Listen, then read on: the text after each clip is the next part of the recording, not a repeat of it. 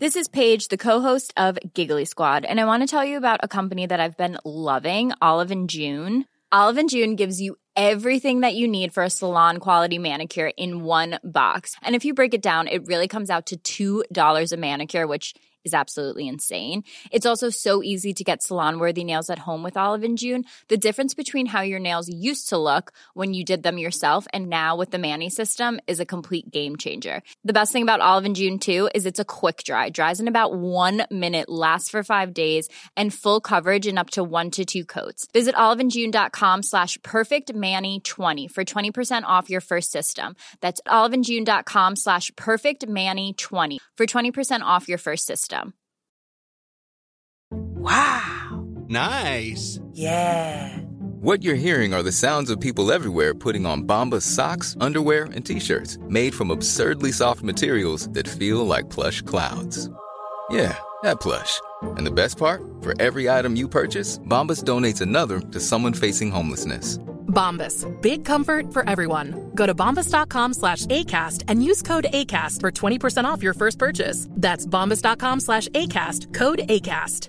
Ready to pop the question? The jewelers at BlueNile.com have got sparkle down to a science with beautiful lab-grown diamonds worthy of your most brilliant moments. Their lab-grown diamonds are independently graded and guaranteed identical to natural diamonds, and they're ready to ship to your door. Go to BlueNile.com and use promo code LISTEN to get $50 off your purchase of $500 or more. That's code LISTEN at BlueNile.com for $50 off. BlueNile.com code LISTEN.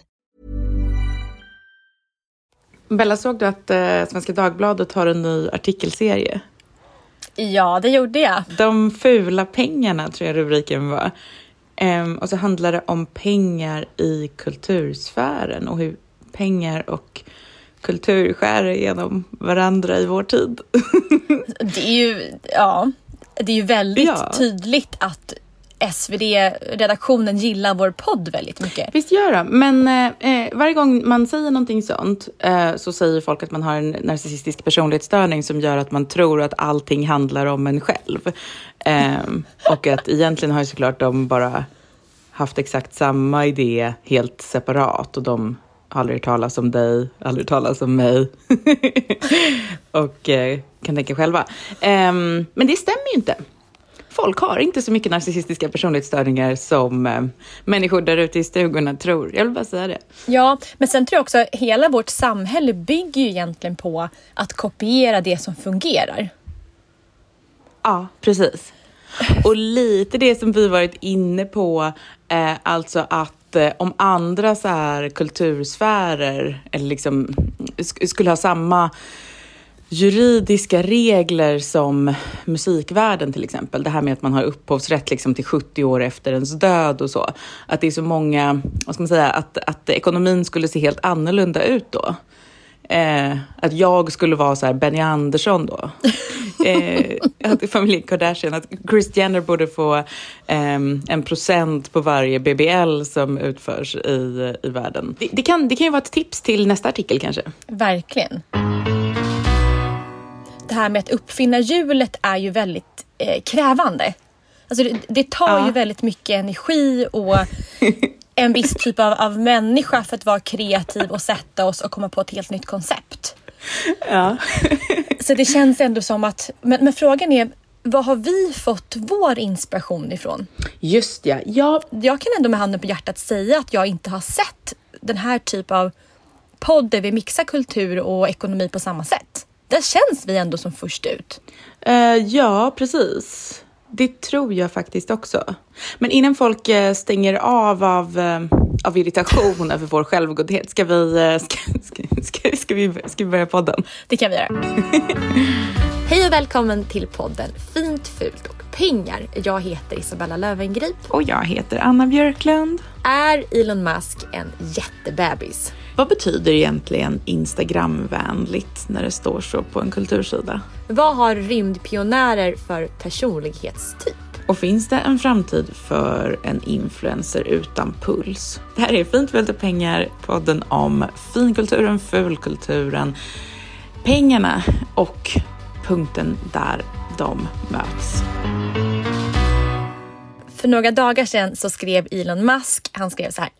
Vi tar farväl av Twitter som varumärke och även alla fåglar. Alltså det är roligt hur folk, eh, särskilt kanske svenska medier, men, men även en del så liberala medier i USA och så reagerar så fort så här Elon Musk gör någonting så kallar de ju honom för jättebebis. Har du märkt det? Ja, det är ju, men så har det varit länge. Det är ingen som riktigt som vill ta honom på allvar. Jag tror att de första åren så har man ju applåderat åt allt som Elon Musk gör. Att tycka att han är den mest fantastiska personen. Ja, men, li, ja, men lite grann som Richard Branson var tidigare. Men Richard Branson, han gick ju den här tråkiga Eh, stabila hållet medan Elon Musk har ju blivit en person, precis som du säger, dagisbarn. Ja, precis. Att, de, att han är liksom en bebis som måste få som han vill eh, och måste få det han vill ha. Liksom. Annars blir han sur. Eh, och det är lite, jag tycker det är lite kul att folk tror att det är möjligt att bli så världens rikaste man om man är en, en stor bebis. Alltså tror folk det på riktigt? Men eh, Alltså inte för att så alla som verkar i näringslivet är genier, för så är det ju verkligen inte. Eller att det skulle finnas en så här perfekt korrelation mellan att bli rik och att vara jättebegåvad. Men det är ändå så här, alltså det är väl ändå viss konkurrens om att vara vd för jättestora internationella publika företag. Ja, men, men jag, jag tror att det är lite grann som, ja, men jag, jag tror att den allmänna uppfattningen är väl lite grann att, att man behöver den här enormt stora visionären, någon som bryter ny mark, som inte eh, kopierar det som redan existerar och sen har man liksom ett stort team bakom som gör själva grovjobbet. Just ja, Det är väl precis. så det fungerar. Ja, exakt. Så nu efter 14 år så går ju då Twitter i graven, folk är jätteupprörda och väldigt många eh, är ju upprörda just av den här logotypen. Nu är det ju ett X. Precis, och om man skriver in x.com som webbläsare så kommer man faktiskt till Twitter. Skriver man in twitter.com kommer man också till ja, Twitter. Det ligger X, ligger inte jättebra i munnen på svenska i alla fall. Gör det på något språk tror du? Nej, för förut har man ju sagt så här, ja men, ja, men kan du twittra det här? Jag twittrade det här Det är ett igår. verb, nu blir ja. det ju, Ja. ja, det blev ju. Kan man säga så här, jag exade. Kan du exa det här?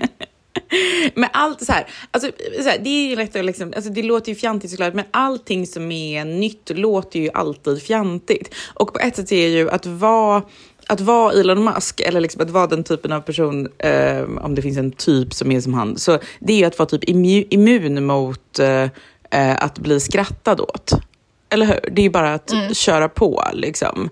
Ehm, och inte vara, alltså liksom att inte ha någon ängslighet i kroppen. Det är ju som någon, någon slags personlighetsstörning på det sättet, men som bara ja, funkar Han bra i den kör. rollen. Men han, men eh, Elon Musk, han har ju, han har ju älskat ord, eller bokstaven X och velat ha det. Ja, men dels har han ju det på en av bilmodellerna. Ja, Men sen har han tydligen kämpat med, redan på eh, Paypals tiden, Mm. Så ville han döpa den här betalningstjänsten till X, men då klev hans medgrundare in, Peter Thiel, Ja. eh, och sa nej. Mm. Och det är just att de hade massa fokusgrupper som sa just att det här X låter på något sätt väldigt snuskigt. Ja, exakt. Det här har jag också eh, liksom, ehm, eh, läst mycket om. Att det, just att det låter liksom adult, alltså som en... Det låter som porr, det låter, som, det låter fel i folks öron. Ja, va, ja. Mm. och sen var det någon som hade googlat fram alla olika alltså, porrsidors liksom, logotyper. Mm. Och då var det så här, nio av tio var också ett X. Men vet du vad Elon Musk, varför han är så besatt av bokstaven X? Nej. Alltså, ehm, han säger att det är den universella symbolen för hur man pekar ut en skatt på en karta. Alltså att det är liksom symbolen för intressant. rikedom. Ja, och det, det är verkligen så här, alltså det är så, när mina barn ska leka skattkarta, då tar ju de liksom ett vitt papper och så ritar de ett kryss bara någonstans på den, alltså ett X. Och sen, eh, ehm, då, då är liksom kartan klar sen ungefär. Men det är lite intressant, för det hänger ihop med eh, hela hans nya vision kring Twitter. Mm. För eh, det här X, den här skattkartan, han har förklarat det som att det ska vara så här, internets portal. Precis. Via den, via den appen så når du allting. Alltså, och, och, det, och det, så för mig påminner det här om den här kinesiska WeChat. Mm. För WeChat är ju en app som, jag vet inte om den finns i hela Asien eller bara i Kina. Nej, vet inte jag heller. Och eh, vet du vad WeChat är? Alltså, jag har hört det, men som allting som har med Kina att göra så blir jag typ direkt lite så här ointresserad och äcklad och klickar vidare. Så att, eh, du får gärna berätta. Ja, nej men, We... men WeChat är i alla fall en kinesisk app eh, som då kontrolleras mycket av staten. Eh, såklart. Men i den appen så har du hela världen. Alltså det är ett X som du kliver in i. Eh, för i den här, då har du ju motsvarande Twitter, Facebook, liksom WhatsApp, du har eh, Foodora i det här, du har betalningstjänster, du kan boka kemtvätt, använda någon så här, eh, vet du det, så här elskoter. Alltså allt som man kan göra, konsumera, läsa och kommunicera på nätet gör du via en app. Vilket är väldigt smidigt då för, för staten. Okej, så det är typ, alltså alla liksom eh, världens startups är liksom samlade i en kinesisk kopia som staten håller i då på något vis? Ja, Ja, okej. exakt. Och då, då, då är det perfekt för då är det så mycket data som kinesiska staten kan plocka upp hela tiden. Ja, ja, ja, För det är hela ditt supersmidigt. liv. Och eh, Elon har då den här visionen med X. Mm. Ja, alltså det här... Och han vill göra då samma sak.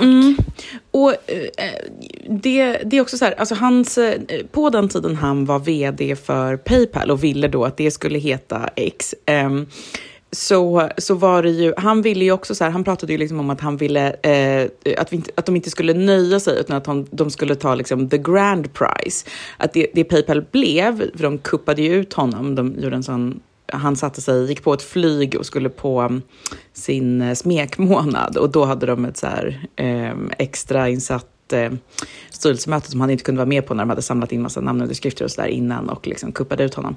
Men, eh, vilket han fortfarande är sur över tror jag.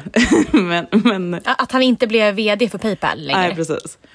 Ehm, Ja, och, eh, men men eh, när han var vd för Paypal så Um, förutom då att han ville att det skulle heta X så ville han ju då att det skulle vara liksom uh, en, en uh, som, alltså alla bankers bank på något vis. Att det skulle, de skulle ge ut lån, de skulle ha sparande, de skulle ha liksom värdepappershandel.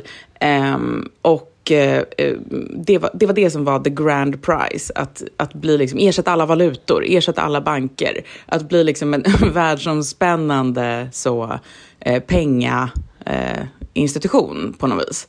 Och istället så blev det då att Paypal var ja, för mig är det mest någonting, det, det enda säkra sättet att skicka pengar mellan privatpersoner, typ när man köper någonting på Ebay eller eh, ja, när jag har köpt så här en bärsjal av en mamma i England, då har jag använt Paypal. Och det var det det blev istället då, eh, för att var, han fick inte med sig eh, de andra på att, på det här lite, vad ska man säga, ja, extremt riskabla. Men vem vet, det kanske fanns, det hade kanske kunnat bli alla bankers bank. Jag vet inte.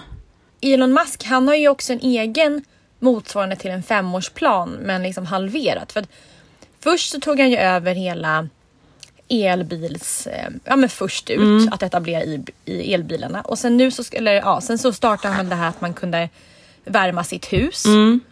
Och sen köpte han Twitter just för all kommunikation och nu den här eh, mötesplatsen och portalen för allt. Precis. Eh, så, så, att, och sen, så att det känns ju som att hans plan är ju verkligen att vara precis lite grann som Kinas president. Alltså ägaren till allt där vi rör oss.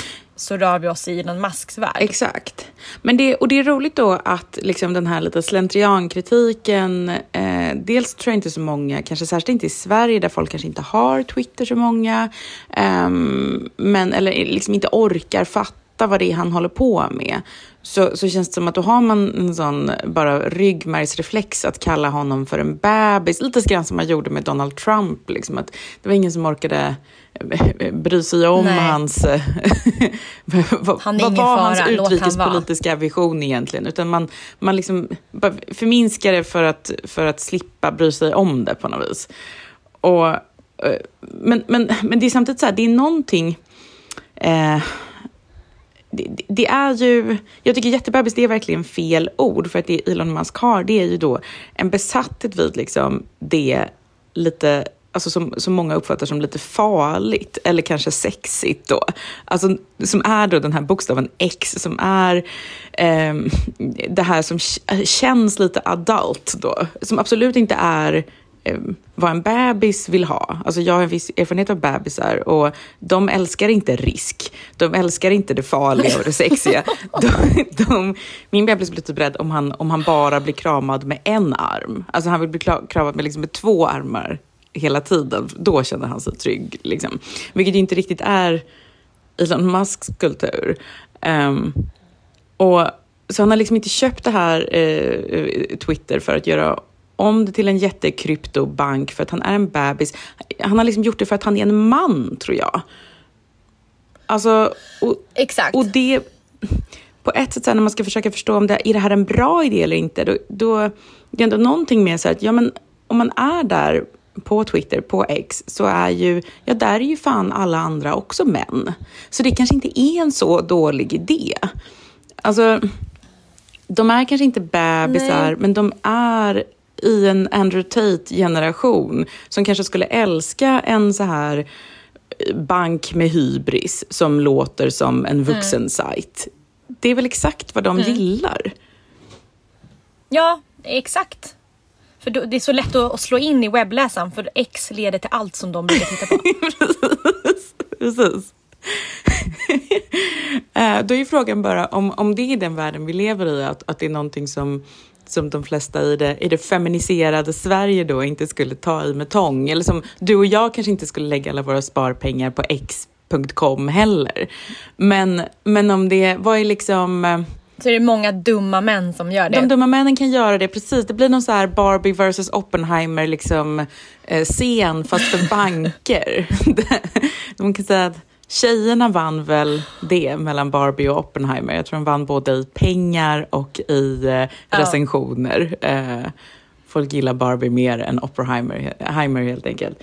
Men eh, vad skulle tjej, tjej, Tjejbanken vara där du och jag skulle stoppa våra pengar som inte är X då? Det är ju vår y-bank. Ja. Det blir jättebra. det, det blir jättebra det som ändå är, för, för, för Musk han vill ju inte skrämma folk med den här visionen att den här appen ska vara ja, men liksom ingången till allt. För, för då, då kan det ju direkt låta lite grann som den här diktatorn att ja, men jag kommer äga all typ av infrastruktur eh, digitalt. Ja, det kan det låta Så som. det, det, hans, det hans kvinnliga VD säger då, ja, just det. på nu då X, Linda, mm. Hon säger att, att eh, ska vi säga, det här är då en, en, en plattform för obegränsad kreativitet. Mm. Centrerat kring ljud, video, meddelanden, betalningstjänster, ja, men också idéer och möjligheter. Mm. Så just att de, de trycker mycket mer på att det här är mycket mer det blir en, en mötesplats där vi alla vill vara med för där kan vi vara kreativa mm. och inte bara lösa de här, liksom, ja, de här logistiska sakerna som vi behöver få funka i vårt liv. Mm. Hmm. Så jag tror att det är lite sätt att, att, att locka vi kvinnor just som har levt och skapat i princip liksom, sociala mediers styrka. Ja. Och blir vi inte lockade av, av banken så blir vi lockade av att där kan vi skapa ännu mer ja, med content, ja, men som i mitt fall till exempel. Det kanske blir ännu mer attraktivt för mig att ha allt mitt material hos honom. Ja. Ja, men, men det ska bli spännande i alla fall och följa Elon Musk. Min magkänsla säger att han, han verkligen inte är det här dagisbarnet utan är den här mannen som ligger i, i vassen som ingen tar på allvar, lite som Trump. Och sen snart så ser vi honom som någon form av digital diktatur som han har skapat. Lite läskigt. Jag var på en utställning på Artipelag som eh, de ställde ut eh, Monet, fast inte riktigt Monet, alltså inte Monets tavlor utan det är väl en digital eh, ja, värld? Precis. Eller så 360? Är Exakt. Jag såg någonting om det. Och det, alltså det är alltså då bilder av hans tavlor Eh, och de har liksom filmat hans tavlor. Eh, och så projicerar de det jättestort på väggar och golv, alltså så här 10 meter höga väggar jättestora, eh, i en så här jättestor hall. Liksom. Um, och uh, det är liksom väldigt starka inzoomningar och sådär så att man liksom kommer närmare tavlorna än man någonsin hade kunnat göra på ett museum.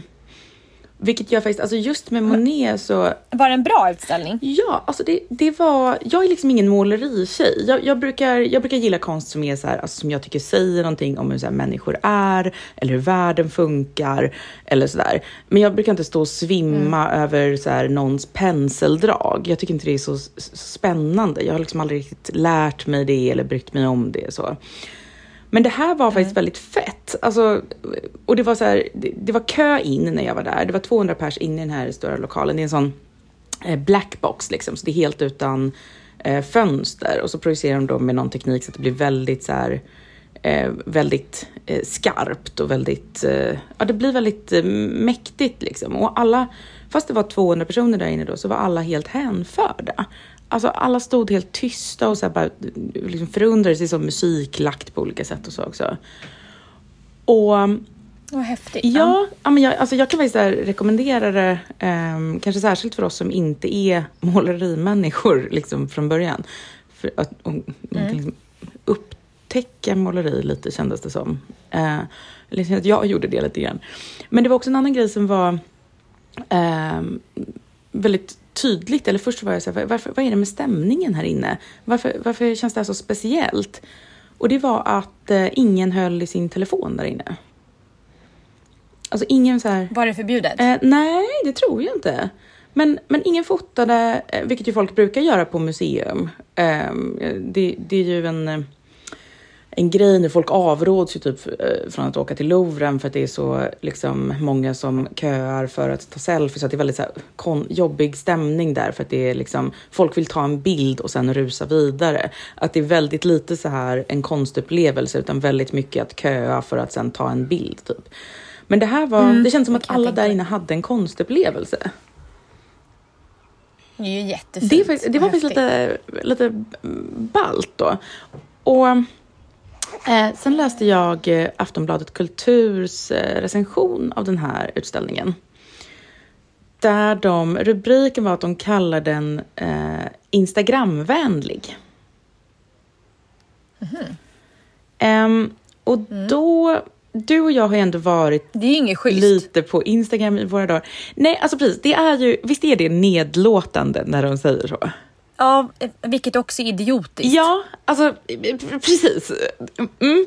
Alltså, det, Instagramvänlig betyder, det betyder ju att någonting är så lite eh, populärt men ytligt och lite korkat typ. Eller hur? Det är det det betyder när, Ja, när man exakt. säger så. Eh, Och det är också snabb, snabb konsumtion Ja, precis. på något sätt. Det här var inget viktigt, vi kollar snabbt och går härifrån. Exakt, det är liksom det är lite, lite exklusivt och lite fint men det, men det är precis, det är bara dum, dum ytlig konsumtion.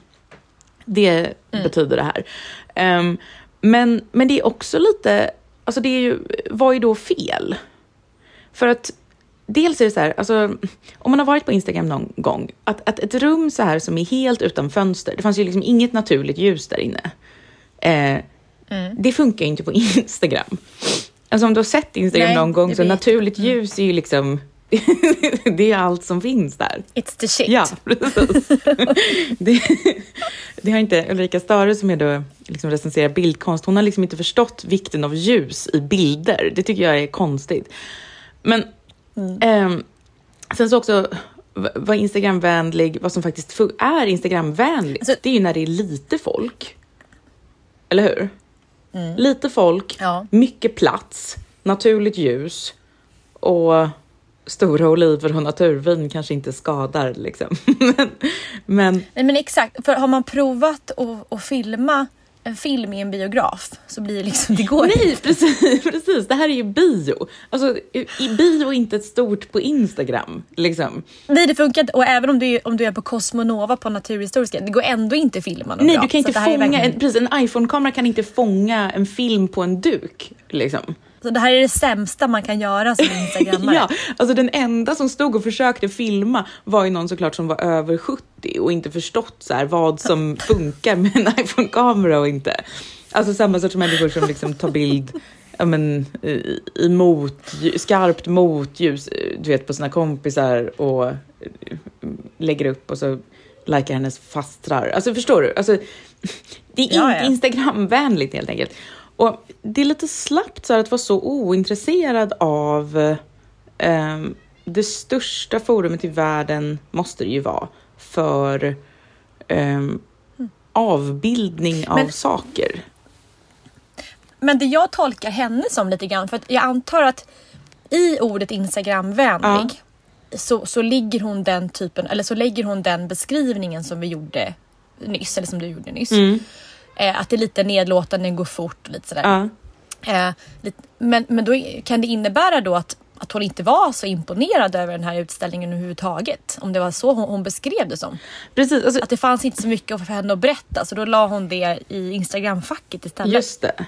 Ja men precis så kan det vara. Och jag tror hon skrev lite också så här att, att det här är kanske så som, att det en, som, som en ingång till att börja gilla Monet. Så, så kanske den här är bra. Liksom. Men att hon eh, står lite över det, ville hon säga då. För annars hade hon ju sagt, det är ingen idé att alla instagrammare kommer dit. Nej precis. För det här är någonting, det här är någonting annat. Ja, Något sånt. just ja. Eh, kreti och pleti, håll er borta. För det här är, det här är för oss eh, liksom eh, eh, fina katter. Som, inte, som använder Twitter, vet. som förstår, som liksom inte... Det här är för oss, det här är för oss liksom med, eh, som kommer dit med våra högskolepoäng broderade på bröstet. Liksom. Ja. Ja, inte, för, inte för er som vill ha en, en fet upplevelse.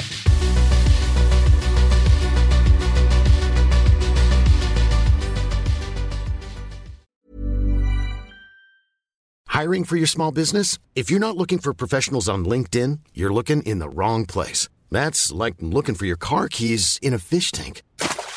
LinkedIn helps you hire professionals you can't find anywhere else, even those who aren't actively searching for a new job but might be open to the perfect role. In a given month, over 70% of LinkedIn users don't even visit other leading job sites. So start looking in the right place. With LinkedIn, you can hire professionals like a professional. Post your free job on linkedin.com/people slash people today. Wow. Nice. Yeah. What you're hearing are the sounds of people everywhere putting on Bombas socks, underwear, and t-shirts made from absurdly soft materials that feel like plush clouds. Yeah, that plush. And the best part? For every item you purchase, Bombas donates another to someone facing homelessness. Bombas. Big comfort for everyone. Go to bombas.com slash ACAST and use code ACAST for 20% off your first purchase. That's bombas.com slash ACAST. Code ACAST. This message comes from BOF sponsor eBay. You'll know real when you get it. It'll say eBay Authenticity Guarantee. And you'll feel it. Maybe it's a head turning handbag, a watch that says it all, jewelry that makes you look like the gem, or sneakers and streetwear so fresh every step feels fly. eBay gets it. So look for the blue check mark next to that thing you love and be confident that every inch, stitch, sole, and logo is checked by experts.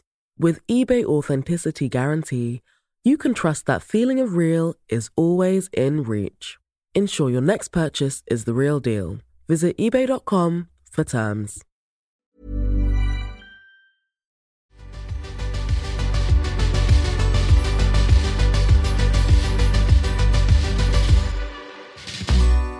Men häromdagen så läste jag en artikel eh, som handlade om en bok som heter Vem är du? Och i den boken så beskriver de fem olika personlighetsdrag som man kan dela upp människor i i världen. Och de kallar det här då för the big five. Ja, precis, precis. Det här är ju det, det, det är det som Jordan B. Peterson är expert på, tror jag. Är det, är det de typer Eh, av Jag minns det vagt från när jag Aha. gick på psykologprogrammet. Ah, okej. ja, och ehm, då, den första är den här extraversion, eller extraversion antar jag att den heter. Just det. Och den handlar om eh, hur utåtriktade vi är. Om vi, liksom är, om vi är kontaktsökande, pratsamma, vi vill ta del av vår sociala omgivning och vi är lite glada, det, vi gillar när det händer saker och sådär. Och den andra är ett ord som är svårt att uttala. Anna kan hjälpa mig. neuroticism, Nur, tror jag. Ja. Ja. Exakt. Och, och det handlar om just hur emotionell stabil man är om man oroar sig för ångest. Och en person som har hög det här ser väldigt mycket faror och blir orolig. Och sen har vi då välvillighet och det handlar om hur omtänksamma vi är. Att vi sätter andra i första rummet och mycket empati. Just det. Och sen näst sist då är samvetsgrannhet. Ja. Och den handlar om hur noggranna Ja. vi är.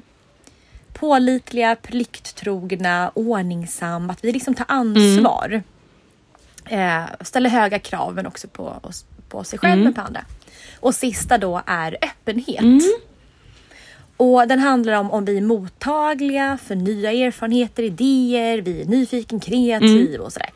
Ehm, har man hög i den här öppenheten så är man oftast eh, redo för att allting kan liksom förändra sig och man har en liberal syn på saker. Och visst är det så, jag måste bara fråga, för att jag, om, som jag kommer ihåg det så är det så här att, eh, alltså från när jag läste sånt här, så, så är det, det här är liksom den enda indelningen av personlighetstyper och egenskaper och sådär som stämmer egentligen. Alltså alla de här eh, Myers-Briggs eller liksom, jag vet inte, horoskop, alltså alla andra är ehm, m- mer som ett kul lek. Precis, det här, det här är det, som, det enda som, som är evidensbaserat, liksom, håller över tid. Ja, och sen har man ju olika mycket då av alla.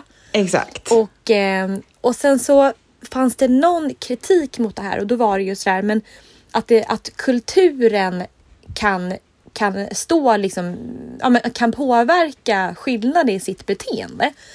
Eh, att till exempel du är mycket mer eh, ja, utåtriktad om du till exempel bor i USA än om du är från Japan till exempel. Eh, men, men då har i den här forskningen som de har eh, som de har haft då och skrivit om i boken så är det inte så att, att en amerikan är i snitt mer extrovert än en japan utan det handlar om Mhm. att de är vad de är i grunden. Mm.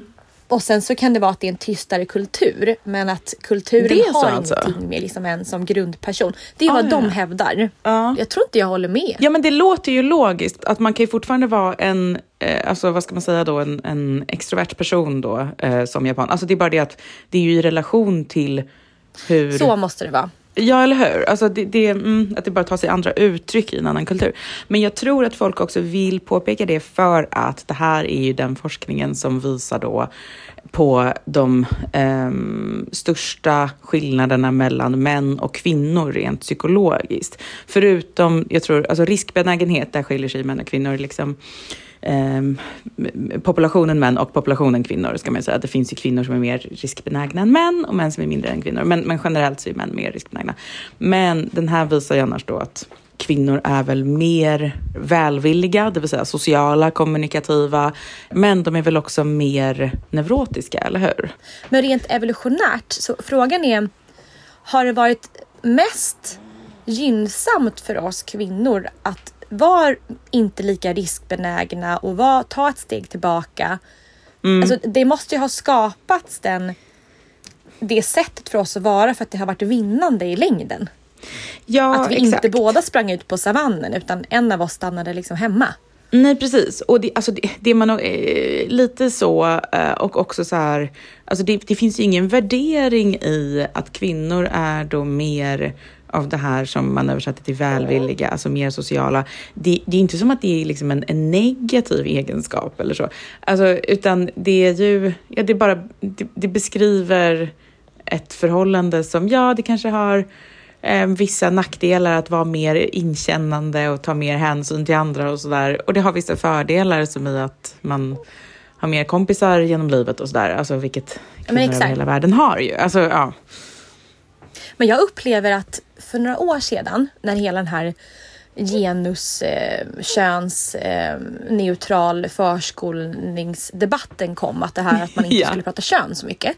Ja. Eh, vilket jag tyckte var eh, jättetråkigt. Eh, alltså, och då kom ju henne-begreppet och den är extremt positiv och det skulle jag nog säga att alla är positiva till idag. Men just det här att man absolut inte fick prata kön. Den, den trenden känns bortblåst. Exakt, och det var väl det då, eftersom det här är det som Jordan B. Peterson då, det enda, eller det han liksom undervisat i. så, och, Hans favoritämne. Precis, om vi lever, lever nu en så här, en, hur funkar um, liksom, psykologi, forskning post Jordan B. Peterson. Så då kan man väl säga att så här, ja, nej, men det är okej att prata om att skillnader mellan könen igen. Ja, det skulle jag säga. Men samtidigt så, alltså just den här forskningen, ja, den visar att det finns lite skillnader. Men inte skitstora om vi ska vara Nej. ärliga. Alltså man blir förvånad Nej. faktiskt över hur... Mina fördomar sa nog att det borde varit större. Men om vi går tillbaka till de här, de här personlighetsdragen Mm. så har man då sett vilka är som blir mest framgångsrika. Okej, ja Eh, Och intressant. då kan man ju, och då kan man ju direkt, alltså rent spontant, hade jag fått gissa från början så hade jag nog eh, kanske valt den som var väldigt utåtriktad, liksom socialt, ta del av ut, eh, omgivningen. Eller så Mm. hade jag valt så här, välvilligheten, att så här, hur omtänksam man är. Att man kommer väldigt långt om man har hög empati. Mm, mm. Att den kombinationen på något sätt tar en väldigt långt. Precis, jag försöker tänka så här, Ehm. vilka personlighetsdrag har Elon Musk av de här? Eh, han är nog inte så välvillig, va? Eller är han det? Nej, men han är också one of a kind. Ja, Jag tror att ska man sant. titta på ja, snittet på hur, fram, hur man är, man är framgångsrik. tänker bara någon som är så framgångsrik på det sättet att man har hög lön och liksom ett liv som funkar. Ja, exakt. Men man är inte så här Ja. att man vill eh, erövra Du är rymden. inte Elon Musk. Nej. Nej, men du har klättrat upp i karriärstegen Ja. i bolaget. Ja. Så. Och, och det har man sett då. Dels den personlighetsdragen som gör oss mest framgångsrika i en fyrkantig kontorsmiljö. Det är att man har, man är samvet, att man har då samvetsgrannhet. Ja, just ja. man Alltså dyker hur upp när man ska. noggranna vi är. Ja, ja. De personerna som blir mest framgångsrika, de är då plikttrogna, ordningsamma. Man fokuserar Mm. på uppgiften, tar ansvar, man ställer höga krav på sig själv och andra. Mm. Man är jättebra på att göra många tråkiga saker på en dag. Ja, man bara Ja. betar av. Ja, exakt. Och, och en sån person kommer ju såklart längre än en person som ibland sprudlar till och får Mm. ryck och gör massa saker. Men ibland blir jätteångestladdad och liksom inte gör någonting alls. Man får inte rusa ut ur rummet i panik utan man sätter sig ner och gör, gör det tr- Ja, men exakt. tråkiga. År ut och år in. ja. Och i snittet har man då också sett att den här personen är ju mycket mer hälsosam än alla andra. Ja, ja, för de För går upp samma tid man- varje dag, gör sitt tråkiga lilla Ja. träningsprogram. De... Ja men exakt. Står det två, träning två till tre dagar i veckan så gör man det. Ja. Står det att man ska skapa en buffert så gör man det. ja. Eh, Staten säger att, man, man kan bli, att det är dåligt att dricka mer än fyra enheter alkohol i veckan. Ja, men då dricker jag tre. Och så, och så är det bara så. Ja, men staten sa det. Det är inget konstigt. så finns det en annan eh, personlighetsdrag som gör oss också väldigt framgångsrika.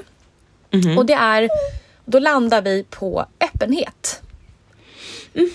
Mm, Okej, ja, så lite först roligare. kommer samvetsgrannhet och sen kommer öppenhet. Och då är man då en person som är mottaglig för nya erfarenheter, tankar och idéer. Att man är kreativ, intellektuell, spänstig står det här.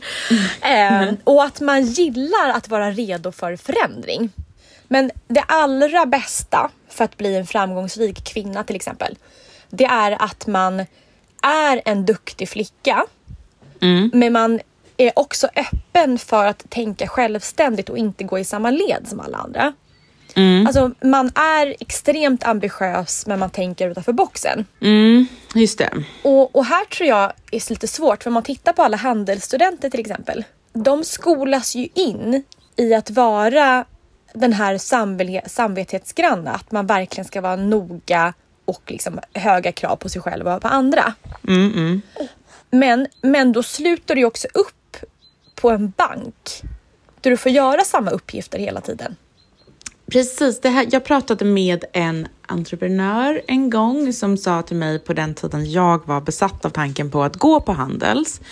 Och eh, jag hade, eh, jag tror nu hade jag kommit in med liksom de betyg och det högskoleprovsresultat jag hade då. Men då var jag så här precis på gränsen och det var så här, ja. Um, jag hade kommit in på alla utbildningar i Sverige just då, utom den. Och jag eh, eh, mådde så dåligt av det här så att jag skrev högskoleprovet en gång och insåg att jag fortfarande var på samma resultat som jag skrivit tidigare.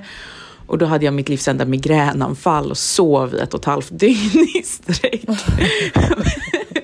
Eh, så, så reagerade jag liksom på att förstå att det nog inte skulle bli handels för mig. Liksom. Men då var det så en entreprenör som jag träffade som, som tröstade mig med att ehm, eller det han sa då var liksom att nej men på Handels så utbildar man liksom, eh, vad kallar de? Han, han liksom, de? De utbildar en typ av gnom där. Samma typ av gnom utbildar andra att bli som den själv. Och sen så kommer de ut i arbetslivet och så anställer de varandra och ger varandra höga löner. Men det är egentligen inte där liksom energin i världen kommer in så att säga. Utan sen så är det ändå någon så här, någon som inte gått på Handels som är den som, som de på Handels eh, förvaltar eller liksom eh, Ja. organiserar upp och sådär. Ja, men för, det, för man säger ju att det är männen i de svarta t-shirtarna som anställer männen i kostym. Ja, precis. Och det var det, när jag var, jag var och eh, jag var och pratade på Handels, jag vet inte om jag sa det i podden, men jag var och pratade på Handels för några månader sedan. Ja. Och, och då säger jag det på scen. Att så här, ni som sitter här inne, ni kommer att bli liksom superframgångsrika, ni kommer gå till era jobb, ha höga löner, liksom köra Tesla, ha ett bra liv. Så här, Ja. Antagligen blir det så. Men det är de här personerna som bygger sina bolag i de här garagen och pojkrummen som liksom inte har några pengar som blir era chefer. Ja. Det är de som kommer tjäna pengar, så ni kommer alltid jobba för dem. Med största sannolikhet. Här utbildar det var- vi jätteduktiga springpojkar. Det var det du ville säga. Springpojkar Och det var med det jag sa. superhöga löner. Jag sa det på scenen inför alla. Precis, jag kan säga att hittills då, den här entreprenören, det var ju snällt av honom att säga så till mig som tröst, men hittills har jag inte själv liksom anställt några handels, eh, några med handelsexamen. Vi får väl se. Liksom. Eh, Jag gillar ju att hitta en studie som passar mig själv, som förstärker det jag vill ska förstärka.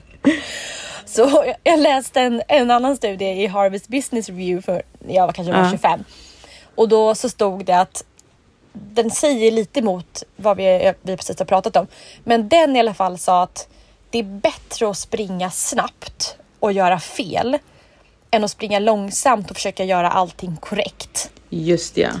Alltså personen som drar på i full fart och snubblar på vägen kommer ändå snabbare fram. Det är egentligen det enda viktiga personlighetsdraget. Ja, Ja, så jag, jag blev tror det. nöjd med mitt lotteriet. Tack! I, igår så var jag inbjuden till Sveriges Radio och gästa P1. Jag såg det. Vad pratar ni om? Eh, jo, men där pratade vi om alla här, virtuella eh, in, influencers i världen. Alltså så här, digitala personer som har blivit väldigt, väldigt stort de sista åren. Är det alltså låtsaspersoner, alltså robotar, eller är det eh, liksom... Förklara, vad, vad är det? Ja, och det är det här som var så intressant. För att med mig som skulle prata i studien om just virtuella influencers så var då en eh, techjournalist på Dagens Nyheter. Okej. Och, eh, och, men jag märker att både programledaren, han som håller i själva programmet, men också den här liksom techjournalisten på en av Sveriges största tidningar, pratar om med begreppet att det är AI-influencers. Jaha. Det här blir lite fel för att man måste reda ut begreppen när man pratar om sånt här. För det är det här som, när man pratar om AI på fel sätt så blir ju folk nervösa. Är det inte AI? Nej, alltså de stora heter till exempel så här, Lille Michaela, hon har typ tre miljoner följare. Så har vi Bermuda som supportade Trump väldigt länge. Och eh, så har vi Shudu som är en mörkhyad eh, digital influencer som också är jättestor. Och det är så viktigt. Och ja, men hon pratar just om att man ska inte alltid se ut som det här blonda vita eh, modellutseendet, vilket är jättebra. Är de alltså... Ja, nu, eh, nu har jag Shudo här. Eh, virtuell influencer. Digital supermodell. Ah, hon är skapad då av en modefotograf. Okej, okej, så det är inte en riktig människa. Nej, För oss då, eh, oss som fortfarande tycker om det är viktigt om så här, har den eh, puls eller inte? den har ingen puls. Exakt. Eh, den här har ingen puls. Nej, jag ser. Det är Okej, en bild. Ja. Och då han, Linus techjournalisten säger att han slänger sig med begreppet AI-influencers. Men det är bara bilderna är gjorda av AI. Alltså, och då pratar vi till exempel om Ja. det här programmet Dali till exempel. Där man kan eh, skriva Okej. in en sån här att om jag vill göra en blåögd person som har rött hår med fräknar och är jättelång och håller i en katt. Då får du upp den bilden på, några sek- på en halv sekund. Men Kan du skriva så här, den ska se ut lite som Dua Lipa men inte för mycket Ja, och så blir den det? exakt. Eller liksom, Exakt. Man måste inte rita den själv. Nej, liksom. utan, och det är ett fantastiskt eh, verktyg. Och jag vet att eh, Sigge Eklund har ju använt sig av ett annat eh, verktyg som också, nu kommer jag inte på vad det heter, där han har då skapat konst som han har börjat sälja tror jag. Jätte... Jag såg dem. Jag gillade faktiskt dem. Alltså jag tyckte, de, jag tyckte det var kul av Sigge. Ja. Mm, ja, men det är en rolig grej när det kommer en ny typ av konst. Eh, det är precis som när det kom de här Mm. NFT-erna som man kunde köpa. Eh, jag vet inte hur det blev med Mm. dem. Men, ehm, men det man inte fått... Det, det, det som är då att bilderna är gjort av AI. Men det är fortfarande Mm. en människa som postar bilderna, som skriver kommentarerna, som funderar på vad de här personerna ska göra och vad, vad Instagram ska handla om imorgon. Så idag har vi Mm, liksom ingen AI som sitter och lever sitt eget liv på Instagram eh, och svarar på kommentarer själv Nej och i en egen precis, hjärna. det är ju en jättestor Det är en skillnad. jätteskillnad. Men jag har en fråga, alltså, för när jag kollar på de här bilderna så ehm, den här eh, eh, människan då, eller vad man ska kalla det, har ju ändå kläder på sig. Är de, tar programmet fram kläderna också? Eller? Ja, ja, för du skriver ju bara alltså, om, in... om man tänker att det är en modell, ja, ja, men för du skriver ju bara in till exempel då att men hon ska ha en, en prickig kjol på sig. just ja, så då egentligen har den här människan Roboten. då formgivit liksom eh, plaggen också. Ja, exakt. De, finns, de går inte att köpa liksom, utan de existerar bara som en bild av, alltså det är bara pixlar Ja, liksom. det är AI bara som har. Sen kan man. Sen vet ju jag Mm. till exempel att de här, ja men Shudu då. Eh, hon har gjort, eh, hon, den Ja. roboten har gjort kampanjer för till exempel Chanel, Balmain, eh, jättestora varumärken och då klär sant? de ju på, eller klär, då lägger de ju in en, eh, en digital bild på själva den digitala influencers. Alltså, alltså bara en, ja, men en vanlig, vanligt Ja. porträtt liksom, fast digitalt. Jag har ju, jag skapade en sån här för jättelänge sedan. Ja, jag kommer ihåg, precis, jag får upp det ibland när jag eh, läser om AI. Men så att de första, eh, de här influenserna, digitala influenserna, de, de kom ungefär 2016. Och jag drar igång Ja. Gabrielle Löwengrip 2018. Så jag var ändå ganska tidig. Vilket jag tycker är kul. Blev det någon fart på Gabrielle? Liksom? Alltså, tillförde hon någonting? Nej. Nej, Ehm, jag kom nej. bara till typ åtta bilder för att varje bild var väldigt dyr för mig att producera. Och, eh, och då, Ja. då var det liksom, då sprang jag bredvid ett bolag som heter Brud eh, som tillver eller som gör alla de här stora, de här Lille Michaela och många av de här. Så att, eh, med min ekonomi så blev jag brädad av de här stora amerikanska bolagen. Ehm, men men min idé då, på tal om AI, att vad jag ville göra som de, de befintliga inte gör. är att jag ville ha det här som en, jag ville bygga som ett AI-verktyg. Att jag ville kunna på något sätt scanna av vilket typ av innehåll som funkar. Alltså vill tittarna, alltså vi som tittar på Instagram och följer flödena och stories, vill vi se när min när Gabrielle åker skidor eller när hon är på Svalbard eller festar i Saint-Tropez. Jag ville hela tiden ha datan på vad som är mest lyckat och sen låta Gabrielle få göra de sakerna. Ehm, eller det är någon form av, det, det, är snarare vet det, en, vet det, machine learning, att man bara baserar information och, och statistik på sånt som redan funkar. Alltså datorn bara drar över den trafiken. Det är egentligen inte riktigt AI. AI är när, sen när, man, när, när Ja. datorn skapar någonting utöver det själv. Just ja. Men vill någon se så här någon festa i Saint-Tropez om den inte faktiskt har festat i Saint-Tropez? Det är det jag tror. Alltså, Det är det som är grejen. Min trendspaning är att influencer eller att sociala mediebranschen går åt två håll. Den ena är ju verkligen den här verkligen transparenta, att man ser Ja men i mitt fall då som skrev om ätstörningar eller man ser eh, någon, alltså någonting riktigt privat. Någon pratar om förlossningsdepression. Och så skapar man liksom en, en trygg plats för det och, och det tycker jag är bland det bästa med sociala medier. Eh, häromdagen så träffade jag en kvinna som precis hade börjat använda Instagram och hon var typ 50 och hade precis kommit in i klimakteriet. Och då hade hon börjat följa konton på andra kvinnor som också gick igenom samma sak och hon sa att hon har liksom aldrig känt ett sånt stort liksom, support och förståelse tack vare Instagram. Men och det jag då jag då som verkligen är för den här den andra trenden då som är då den här eh, digitala influensen. Det är att tittar man på kommentarerna och de som följer de här kontona, de blir också inspirerade. Alltså samma känsla som man får av att vara inspirerad och vilja följa den riktiga tjejen som pratar om ja, men någonting, klimakteriet på Instagram. Eh, så är det samma inspiration och tillhörighetskänsla av att följa de här digitala influenserna också. Eh, så att, och det är precis till exempel som att man tittar på Sex and the City. Och eh, sen ser man hur, eh, ja men till exempel hur Samantha i Sex and the City, hur hon går och ja men det med högt självförtroende, ingen man får sätta sig på henne. Eh, ja men till exempel när jag var yngre och såg Samantha i Sex and the City så kände jag mig så här, jag ska också vara så där. Bara powerkvinna, gå runt i någon snygg dräkt och bara... Empowered. Ja men bara Mm, så här, okej. männen är här, jag, kan, jag äger männen, jag äger mitt jobb. Är det inte bättre egentligen, alltså för jag tycker väl det som sociala medier har tillfört, alltså Samantha eller liksom någon sån eh, ikonisk då ehm, eh, påhittad figur. Ehm, hon är ju ändå inte liksom så tredimensionell.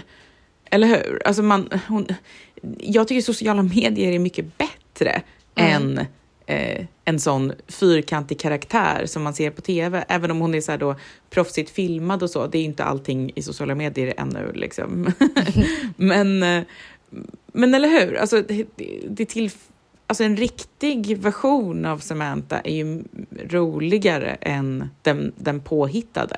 Tycker jag. Och i riktiga menar du vi, vi som har en puls Alltså en eller verklig som... människa, en med, med puls, någon med puls som är på i sociala medier och berättar om sitt liv där.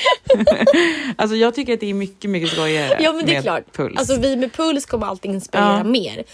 Men jag tror att tittar man på allt ifrån så här, eh, serier, karaktärer, filmkaraktärer eh, som har ändå en skådespelarroll har ju ändå förändrat mycket, många personers liv. Det är helt sant i och för sig. Ja. Ja, så det tycker jag att man kan översätta till de här digitala influenserna. Att, eh, till exempel Lille Mikaela, hon drömmer om en musikkarriär så man får följa henne i hennes liv och att, vilja bli popartist. ja. Så, så bara där, jag, inte, jag tror att det kan finnas någon form av inspiration att kan hon även utan puls lyckas så kan jag ändå lyckas. För att, jag vet inte, bana vägen, visa vad man kan göra, Just att det. musikkarriären blir top of mind, man följer henne längs vägen. Jag tror att oavsett hur inspirationen kommer till oss så tycker jag alltid att den är varje väg är liksom bra på något sätt oavsett hur. Men alltså, ja så kan det ju vara. Men det är ju precis som att eh, man kan ju bli inspirerad av en typ fiktiv karaktär i en, en bok man läser. Så att jag fattar vad du menar.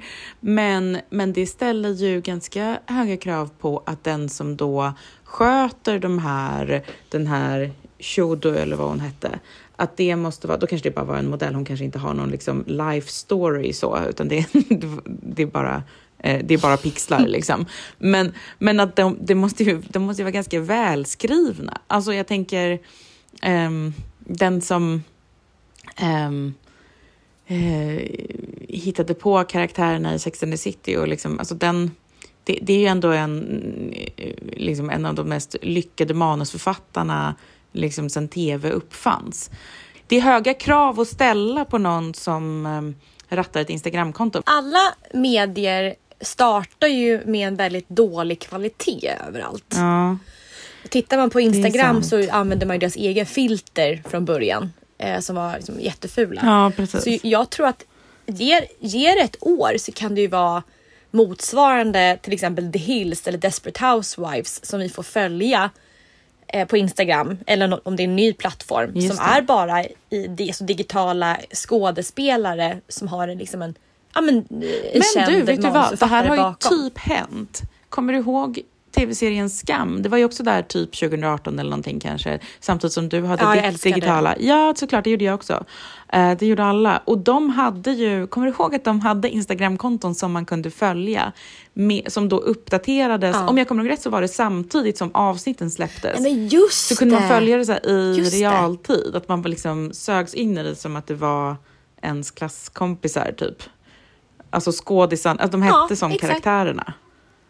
Ehm, Ja. Det var ju otroligt ja. Jag all, Sån har ingen gjort det. jag har aldrig varit med om att Ja men exakt, men jag har aldrig varit med om att Norge låg i framkant. Nej, det, har all, det är Något första så- gången. Men något gud. digitalt. Och sen har det aldrig hänt igen heller.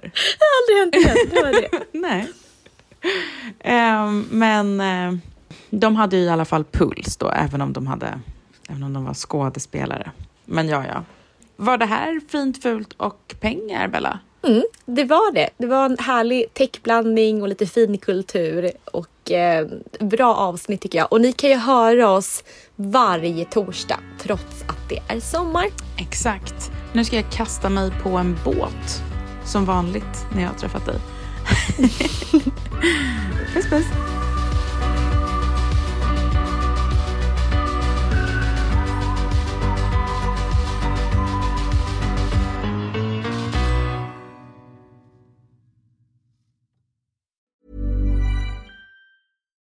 Imagine the softest sheets you've ever felt. Now imagine them getting even softer over time. That's what you'll feel with Bowl and Branch's organic cotton sheets. In a recent customer survey, 96% replied that Bowl and Branch sheets get softer with every wash. Start getting your best night's sleep in these sheets that get softer and softer for years to come. Try their sheets with a 30-night guarantee. Plus, get 15% off your first order at bowlandbranch.com. Code BUTTERY. Exclusions apply. See site for details.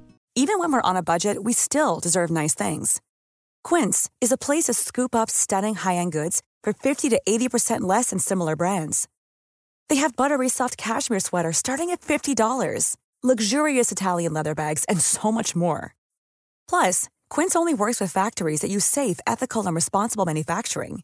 Get the high-end goods you'll love without the high price tag with Quince. Go to quince.com slash style for free shipping and 365-day returns. Imagine the softest sheets you've ever felt. Now imagine them getting even softer over time. That's what you'll feel with Bowl and Branch's organic cotton sheets. In a recent customer survey, 96% replied that Bowl and Branch sheets get softer with every wash. Start getting your best night's sleep in these sheets that get softer and softer for years to come. Try their sheets with a 30-night guarantee. Plus, get 15% off your first order at bowlandbranch.com. Code BUTTERY. Exclusions apply. See site for details.